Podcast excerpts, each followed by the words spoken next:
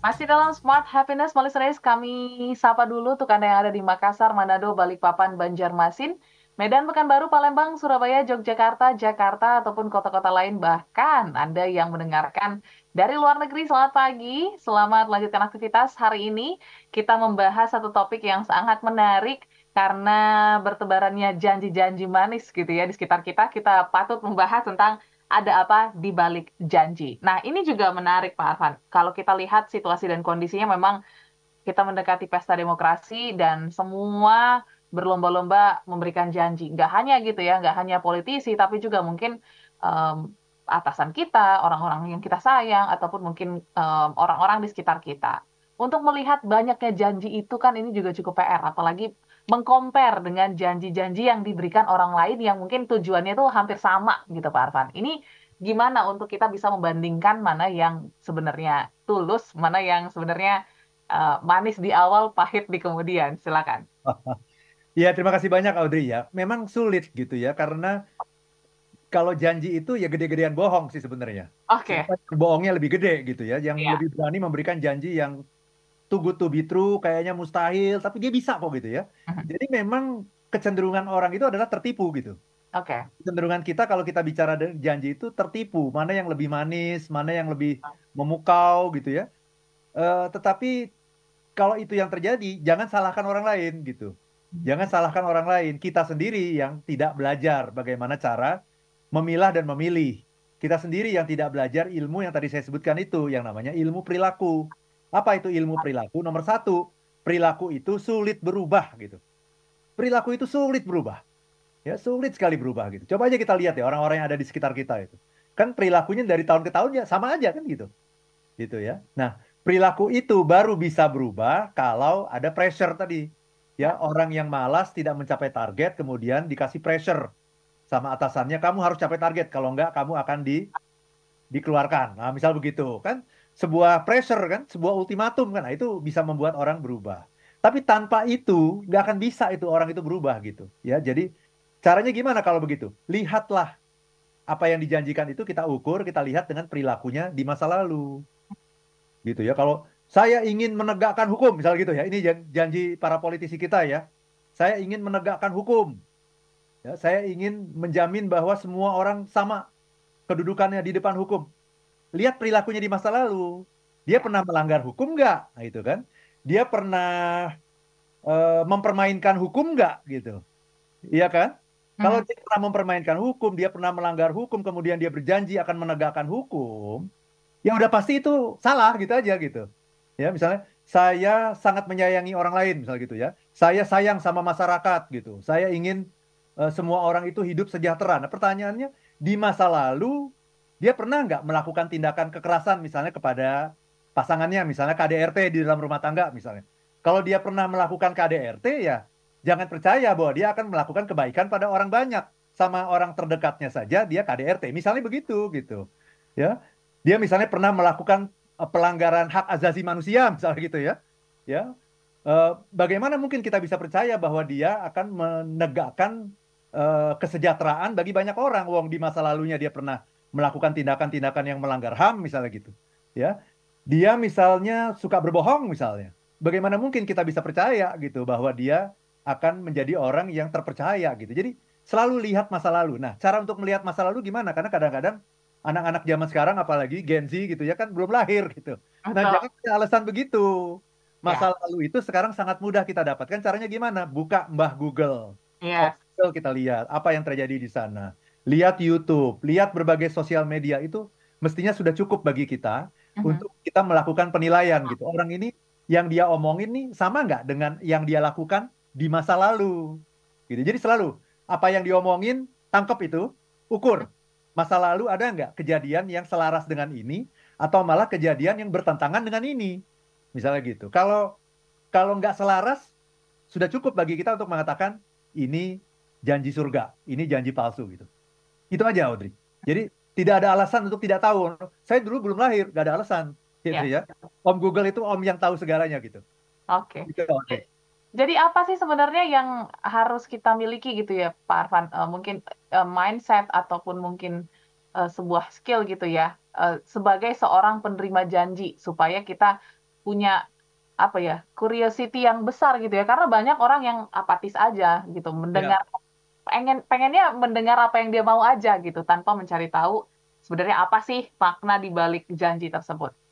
Jadi mindsetnya Audrey yang harus dibenerin gitu. Uh-huh. Jadi kalau kalau masalah misalnya curiosity ya keingintahuan, tidak semua orang tuh punya keingintahuan gitu. Oke. Okay.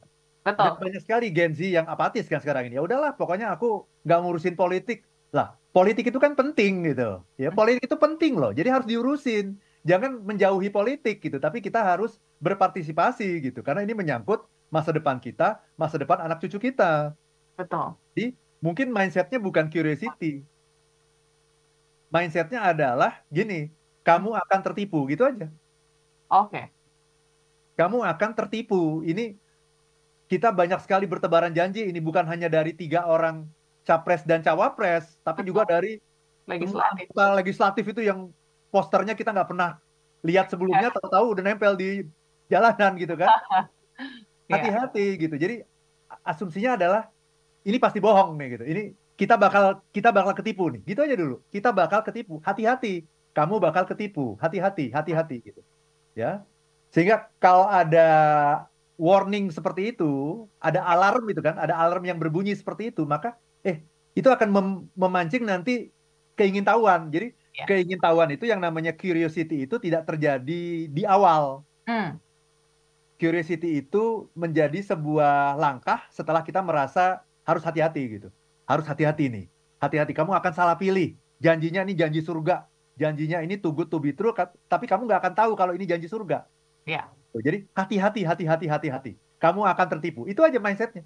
Hmm. Hati-hati, kamu akan tertipu. Nah, dengan mindset ini, itulah yang nanti akan melahirkan sebuah perilaku yang namanya curiosity atau keingintahuan gitu. Uh-huh. Itu Audrey. Kalau mindsetnya curiosity sulit gitu, karena tidak semua orang tertarik pada dunia politik gitu. Betul. Tapi kalau kamu bakal tertipu, nah itu. Langsung nah, kita curiosity. trigger iya. ya.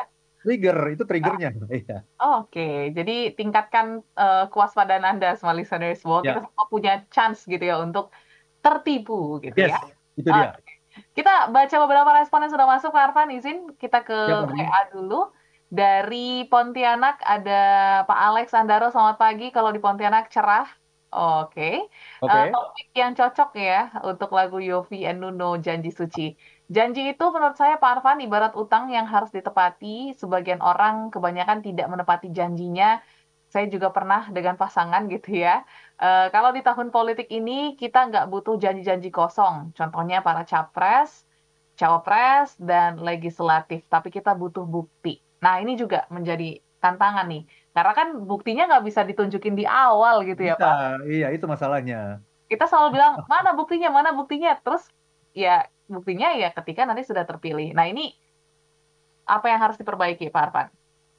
Ya kewaspadaan kita berarti yang harus diperbaiki gitu ya. ya. Karena kan uh, yang nama apalagi yang namanya politisi. Politisi itu adalah ini ada sebuah kutipan dari seorang bijak yang saya saya lupa namanya. Dia bilang begini, seorang politisi itu akan memberikan sebuah janji dan nanti ketika dia sudah berkuasa dia akan memberikan penjelasan kenapa janji itu tidak bisa terrealisasi. Iya. kan seperti itu gitu. Iya. Ya. Dan bahkan uh, Khrushchev itu pernah mengatakan begini, ini dari Uni Soviet ya. Uh, Khrushchev itu pemimpin uh, salah satu pemimpin Uni Soviet. Dia pernah mengatakan gitu bahwa seorang politisi itu dia akan berjanji untuk membangun jembatan. Uh -huh. Ya.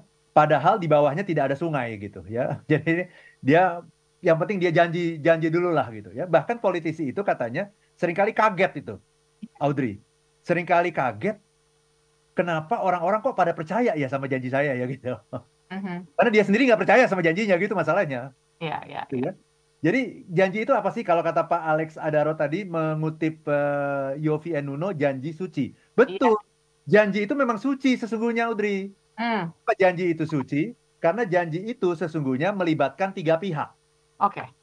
Pertama adalah orang yang berjanji. Uh-huh. Kedua adalah orang yang dijanjikan. Yes. Ketiga adalah siapa? Tuhan. Tuhan, ya, ya. ya. Jadi persis seperti kalau kita berjanji uh, pernikahan gitu ya di masjid atau di gereja ya di tempat ibadah. Kemudian kan selalu ada uh, saksi dan sebagainya gitu. Sebetulnya itu adalah sebagai sebuah perlambang saja bahwa yang paling tinggi itu adalah kita disaksikan oleh Tuhan gitu. Oh. Jadi orang yang berjanji, orang yang dijanjikan dan Tuhan. Nah, itu. Jadi ketika kita melihat seperti itu, maka dalam sebuah janji, hubungan yang terjadi itu adalah hubungan segitiga sebetulnya. Apa itu hubungan segitiga? Hubungan antara uh, tiga pihak, yaitu uh, orang yang berjanji, orang yang diberi janji, dan Tuhan sebagai saksi yang tertinggi gitu di dalam janji tersebut gitu. Nah, kalau kita melihat seperti ini, maka janji itu adalah sesuatu yang sakral gitu. Janji itu adalah sesuatu yang suci sesungguhnya gitu. Karena itu ketika kita berjanji, mindset yang harus dipakai sesungguhnya adalah mindset giving gitu. Bisa nggak ya? Bisa ya. nggak ya. ya saya melakukan apa yang saya janjikan? Karena kalau tidak, itu celaka sekali kita gitu. Karena kita melanggar uh, janji kita kepada yang maha kuasa gitu sesungguhnya Audrey.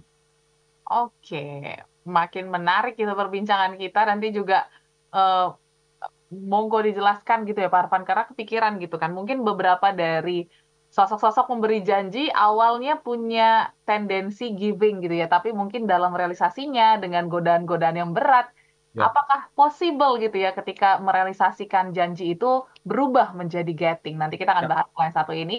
Dan semua listeners juga jangan ke mana-mana. Masih ada juga beberapa pertanyaan dari Anda yang belum kami bahas. Jadi tetaplah bersama kami dalam Smart Happiness. Pak kita kembali lagi ke pertanyaan Audrey tadi ya. Eh, banyak uh, mungkin yang memberikan janji-janji gitu ya dengan tendensi giving tadi gitu ya mungkin di awal. Tapi ketika mungkin mendapatkan hati uh, para orang-orang uh, yang dijanjikan apakah bisa gitu tendensinya berubah menjadi getting tadi nih mindsetnya silakan Pak Arfan. Ya, yang penting awalnya giving dulu gitu. Orang yang giving itu cirinya ya. Yes. Kan getting atau giving kan yang paling tahu kan dia sendiri kan, orang yang berjanji kan.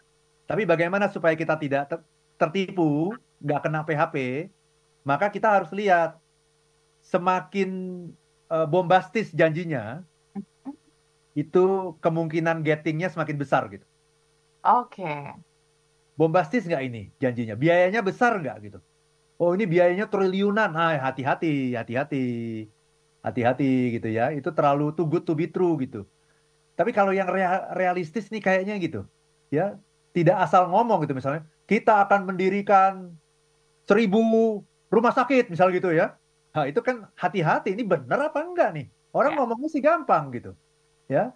Tapi kalau kita ingin di setiap desa itu misalnya ada satu orang uh, tenaga kesehatan, ada satu orang ini itu, itu masih masuk akal kan. Bahkan kadang-kadang sebenarnya bisa loh lebih daripada itu kok cuma segitu gitu. Nah, artinya apa? Yang memberi janji itu concern gitu. Oh. Yang memberi janji itu sangat berhati-hati untuk uh, tidak sembarangan dalam menyebutkan angka. Kenapa? Karena dia tidak yakin dia bisa gitu merealisasikan itu. Tapi semakin oh kita akan bikin 300 rumah sakit, kita akan bikin 1000 uh, uh, pusat-pusat kesehatan misalnya gitu ya. Itu itu hati-hati gitu. Itu hati-hati gitu karena itu nggak gampang loh bisa membuat seperti itu gitu. Jadi uh, kita harus bisa menakar gitu ya, mengukur dan menakar gitu. Nah, kalau kemudian yang paling penting kan awalnya dulu nih, niatnya dulu kan gitu ya kalau kemudian niatnya awalnya sih giving ya bagus ya niatnya ya. Tapi kemudian setelah uh, terjadi, setelah dapat kemudian uh, berkurang gitu ya, akhirnya berubah pelan-pelan menjadi getting. Yes. Yaitu urusan kita nanti gitu karena memang tidak ada yang bisa menjamin itu ya. Tapi kita punya PR lagi sekarang gitu. Kalau sudah kalau janjinya udah benar, kita punya PR nanti untuk menagih janji. Bagaimana caranya menagih janji? Berarti kita juga harus kuat gitu, punya sistem uh, pressure yang kuat gitu. Uh-huh. Itu Audrey. Iya, yes, jadi uh, itu juga bisa kita kontrol gitu ya untuk menagih janji tadi. Uh, mungkin dari yang sudah dilontarkan seperti apa realisasinya, kapan mau direalisasikan, apakah sudah lewat tenggatnya, uh, dan gimana realisasinya itu juga mungkin bisa kita tagih supaya menjadi pengingat untuk mereka bisa merealisasikan janjinya. Nah, mungkin aku ke satu pertanyaan lagi ya Pak Arfan ya. Ini dari Ibu Karina yang ada di Sukabumi. Selamat pagi. Pak Arfan mohon pencerahan untuk orang-orang yang sudah pernah tersakiti karena janji dan uh, sekarang kesulitan untuk menerima janji apa pun, even itu janji yang baik sekalipun. Silakan, Pak Arfan. Itulah yang namanya traumatic experience gitu. Okay. Apa itu traumatic experience? Pengalaman traumatis, ya Jadi yang harus kita ingat adalah hidup itu memang terdiri dari serangkaian janji-janji. Mhm. Jadi kita tidak mungkin bisa hidup tanpa janji gitu. Jadi uh, hidup itu ya serangkaian janji kan kita hari ini berjanji, pagi ini saya berjanji, nanti siang ada janji lagi, besok ada janji lagi. Ya kalau kita tidak percaya kepada janji, berarti kita tidak percaya kepada manusia gitu. Ya. Sehingga akhirnya kita tidak bisa berinteraksi dengan siapa pun gitu karena kita tidak percaya gitu. Ya mau beli barang transfer dulu, kita nggak percaya gitu kan. Mana Ya. barangnya? Kepinginnya langsung gitu. Betul. Akhirnya apa ya nggak bisa nggak bisa hidup kita gitu kalau kita nggak percaya sama janji gitu. Jadi yang yang harus dipelajari dalam hidup ini bukannya kita harus anti kepada janji atau tidak percaya kepada janji, tapi kita harus pandai menilai, pandai mengukur, pandai menakar apakah janji itu uh, masuk akal atau tidak gitu. Kalau janji yang masuk akal, why not gitu? Kenapa tidak gitu? Hmm, oke oke. Ya, semoga menjawab untuk Ibu Karina ya. Oke, mungkin satu lagi ya Pak Arfan ya. Em, ini dari sapaan dari Ibu Ibu Eti. Selamat selamat eh, ulang tahun Pak Arfan 4 Februari lalu katanya gitu ya. Nah, terima kasih. Eh, terus menginspirasi Indonesia dan be happy. Satu lagi ini dari eh, WA kita dari Willy di Banjarbaru. Pak Arfan, jika juara badminton, saya berjanji kepada anak saya untuk belikan sepeda motor meskipun pada akhirnya saya belikan mobil karena menurutnya mobil itu lebih aman dari sepeda motor. Apakah janji seperti ini baik, Pak Arfan? Sampai ketemu di anger management, kata Pak Witono. Silakan. Oh, oke, okay. Pak Willy dari Banjarbaru. Terima kasih ya. Ya, janji itu ya sampai sekecil itu ya, janji sama anak. Nanti uh, kita makan siang bareng yuk, kita makan siang di luar yuk. Gitu. Itu kan janji ya. Iya. Uh, jadi me memang hidup itu terdiri dari janji-janji itu gitu. Ya, nanti kalau kamu lulus ujian kamu papa beliin motor ya gitu. Itu kan janji. Nah, kemudian uh, over deliver itu namanya ya. Over deliver adalah apa? Uh, ternyata udah lulus bukan motor yang dibeliin tapi mobil. Itu lebih bagus. Oke. Okay. Pokoknya apa pun yang apa pun yang menguntungkan si penerima janji itu bagus. Oke, okay, oke. Okay. Okay. Apa pun yang uh, merugikan si penerima janji itu buruk gitu. Jadi istilahnya itu mendingan gitu ya. Mendingan uh, under promise over deliver. Hmm. Under promise over deliver daripada sebaliknya over promise under deliver. Nah itu. Itu ya. Jadi kalau janji sama anak kan itu kan pasti karena pingin memberi kan. Kayak kemarin saya kan, saya saya ulang tahun hari Minggu ya, hari Minggu tuh saya ulang tahun kemarin. Kemudian karena hari Minggu tuh ada banyak kesibukan gitu ya, akhirnya nggak sempat makan-makan. Okay. Saya kasih janji sama anak saya, ini nanti kan hari Kamis kan ada hari libur nih, kita semua libur nih. Uh-huh. Kamis, Kamis kemarin itu ya, kemudian yeah. saya Kamis pokoknya kita makan siang di luar, makan siang yang enak, kamu boleh pilih apa pun, kita makan siang di luar. Nah gitu. Nah ketika saya ngomong gitu kan, saya mikirnya kan sesuatu yang bisa saya realisasikan gitu. Oh. Gitu, bahwa kemudian nanti taunya makannya bukan cuma sekali tapi makan siang, makan malam juga di luar ya itu yeah. itu lebih bagus lagi itu namanya over deliver gitu. Uh-huh. Gitu. Tapi itu dia memang uh, janji itu sekecil apa pun tuh orang menilai kita tuh dari janji kita gitu. Itu masalahnya gitu. Jadi ketika kita berjanji itu ingat-ingatlah gitu bahwa janji ya uh, de, uh, promise is about uh, trust gitu. Uh-huh. Is about trust gitu dan itu yang akan membuat nilai kita di mata orang itu seperti apa gitu. Mm-hmm. Itu oh.